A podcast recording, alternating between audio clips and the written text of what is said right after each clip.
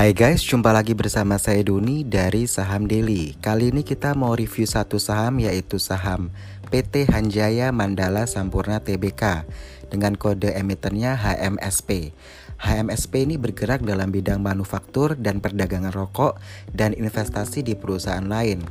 Perusahaan ini mulai beroperasi secara komersil pada tahun 1913 di Surabaya. Kita flashback lagi untuk IPO date, dia IPO di Bursa Efek Indonesia di tanggal 15 Agustus 1990. Itu artinya hampir 29 tahun saham ini sudah ada di Bursa Efek Indonesia. Lalu untuk harga penawarannya dia di Rp12.600 per lembar saham.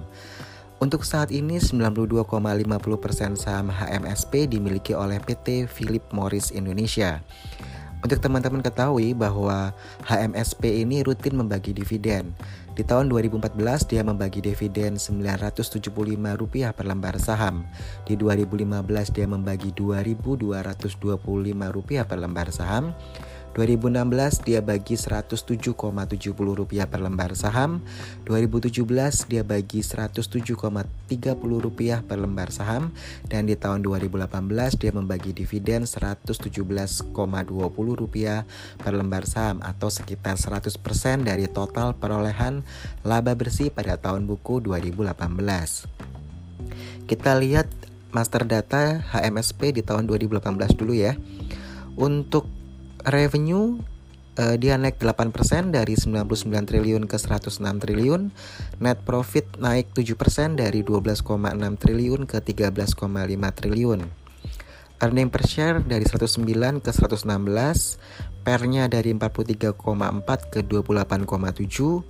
Lalu price book to value dia 16,1 ke 11, DER-nya dia 0,26 ke 0,32 return on equity-nya di 37% ke 38%.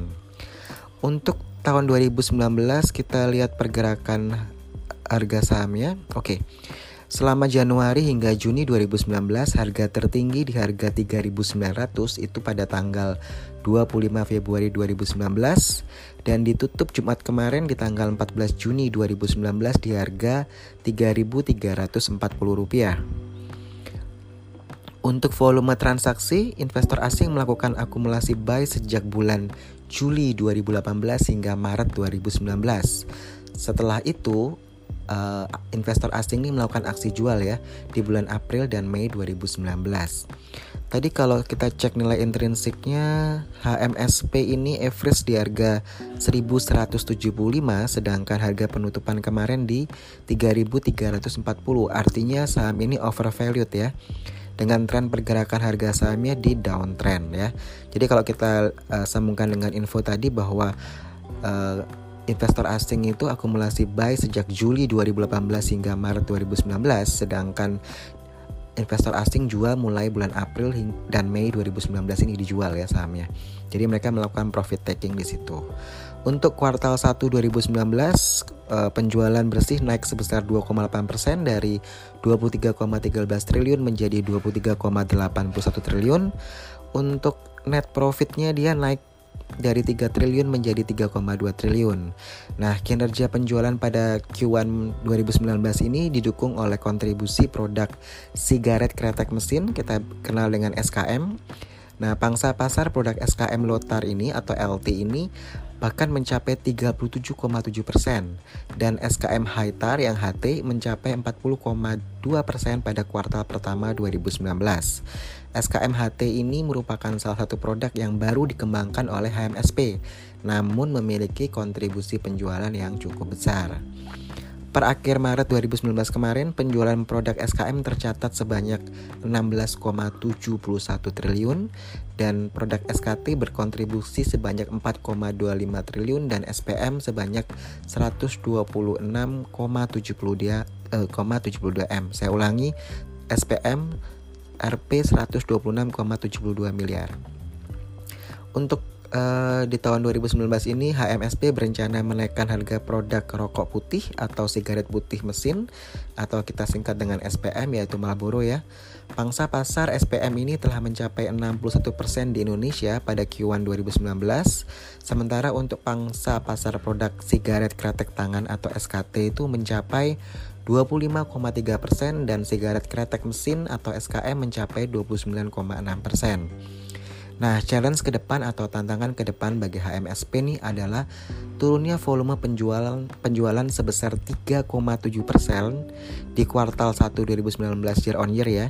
Disebabkan adanya shifting konsumen yang cenderung memilih tembakau dengan kadar yang tinggi, dengan kadar tar yang tinggi dan harga terjangkau. Jadi, industri tembakau saat ini telah bergeser ya dari jenis produk dengan harga yang lebih rendah kalau tahun lalu perusahaan itu baru menaikkan harga jual produk-produk mereka karena adanya kebijakan cukai yang naik 11% ya.